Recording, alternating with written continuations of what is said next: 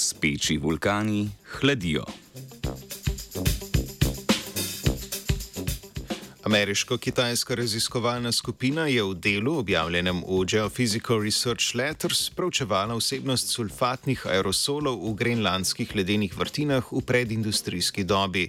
Ugotovili so, da sta se skoraj dve tretjini sulfatnih aerosolov iz tistega obdobja sprostili iz pasivnih, to je nebruhajočih vulkanov.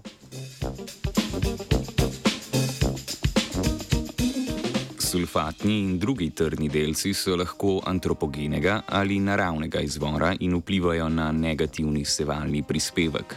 To je sprememba zemljinega energetskega ravnovesja, pri čemer pozitiven sevalni prispevek vodi k segrevanju, negativen pa k ohlajanju nižjih plasti ozračja. Aerosolski sevalni prispevek je rezultat interakcije trdnega zračnega delca s sončevim sevanjem ter interakcije med aerosolom in oblakom. Intenzivnost trenutnega antropogenega aerosolskega sivalnega prispevka se določa glede na vsebnosti aerosolov v predindustrijski dobi. Vendar je ocenjevanje antropogenega sevalnega prispevka po letu 1850 zelo negotovo.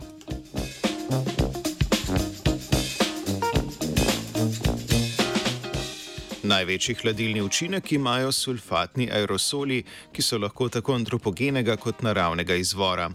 Zaradi različnih izvorov je določanje vrednosti sulfatnih trdnih delcev in njihovega vpliva na sevalni prispevek nezanesljivo. Raziskovalna skupina je želela natančneje določiti trenutni vnos antropogenih sulfatnih aerosolov, ki povzročajo negativen sevalni prispevek in ohlajajo nižje plasti ozračja. V ta namen so preučili današnje vrednosti sulfatnih aerosolov, ki jih merijo sateliti in terenskimi meritvami, ter kontrolirajo z računalniškimi modeli. Zabeležene količine so primerjali z vsebnostmi sulfatnih aerosolov v ledenih vrtinah. Izvrtali so jih na Arktiki in ponazarjajo vsebnost, vsebnost sulfatnih trdnih delcev v predindustrijskem času.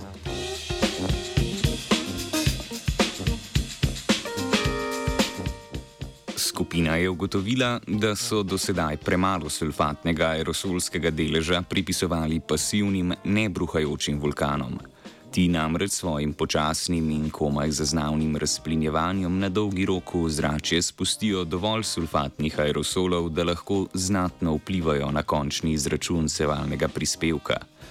V raziskavi skupina pokaže, da so pasivni vulkani, ki se razplinjajo, prispevali skoraj dve tretjini sulfatnih aerosolov v predindustrijskem času.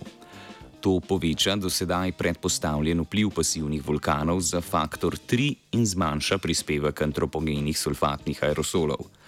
Ta informacija nam lahko pomaga pojasniti, zakaj klimatski model, ki so ga uporabili za izdelavo šestega poročila Mednarodnega panela za podnebne spremembe, kaže, da se Arktika segreva počasneje, kot se v resnici.